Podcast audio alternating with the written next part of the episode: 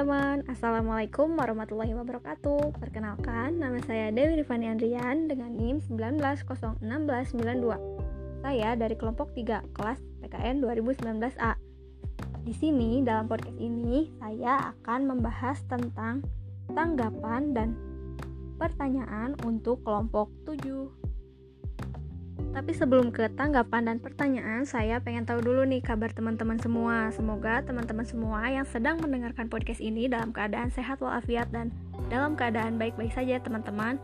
Jangan lupa jaga kesehatan dan juga jaga kebersihan dengan selalu mencuci tangan.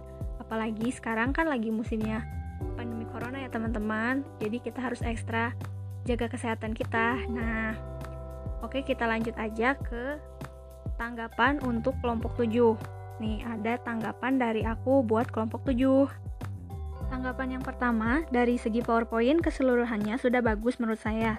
Namun, sama seperti kelompok sebelumnya, masih ada kata yang dalam penulisannya itu tipe atau kurang tepat. Ada di slide 6, poin ketiga. Ada kata literas. Nah, setelah saya cari-cari artinya, dari literas ternyata tidak ada. Mungkin maksudnya literasi ya, teman-teman. Nah, oleh karena itu, saran saya untuk kelompok 7 mohon untuk dibetulkan karena supaya kita sebagai pembaca tidak kebingungan dalam mencari artinya tersebut. Karena walaupun satu huruf itu bisa merubah arti dari kata tersebut. Lalu, tanggapan yang kedua yaitu dalam segi pemaparan materinya. Menurut saya, dalam pemaparan materinya baik oleh saudari Dewi Aulia maupun saudara Daniel sudah bagus.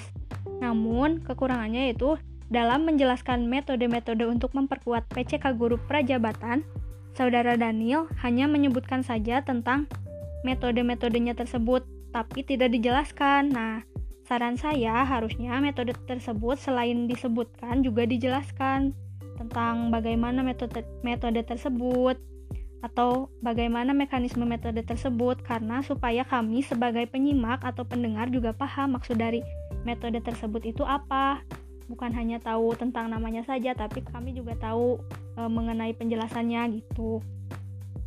Nah, mungkin segitu aja teman-teman tanggapan aku buat kelompok 7. Kita lanjut ke pertanyaan untuk kelompok 7. Nah, pertanyaannya kalian pasti penasaran kan aku mau nanyain apa? Pasti dong, pasti kalian penasaran kan? Nah, pertanyaannya yaitu tadi kan disebutkan oleh pemateri bahwa semua guru pralayanan studi sosial akan mengambil kursus inti yang sama apa pun jurusannya. Nah, berkaitan dengan hal tersebut, contohnya seperti apa sih kursus inti yang sama tersebut itu?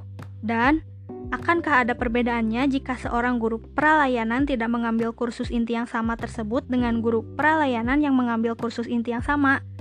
Nah, untuk kelompok 7 mohon dijelaskan apa perbedaannya ya kalau yang mengambil kursus inti yang sama dan yang tidak mengambil kursus inti yang sama. Mungkin itu pertanyaan dari saya dan saya sangat menunggu sekali jawaban dari kelompok 7. Nah, mungkin sekian tentang tanggapan dan pertanyaan saya untuk kelompok 7.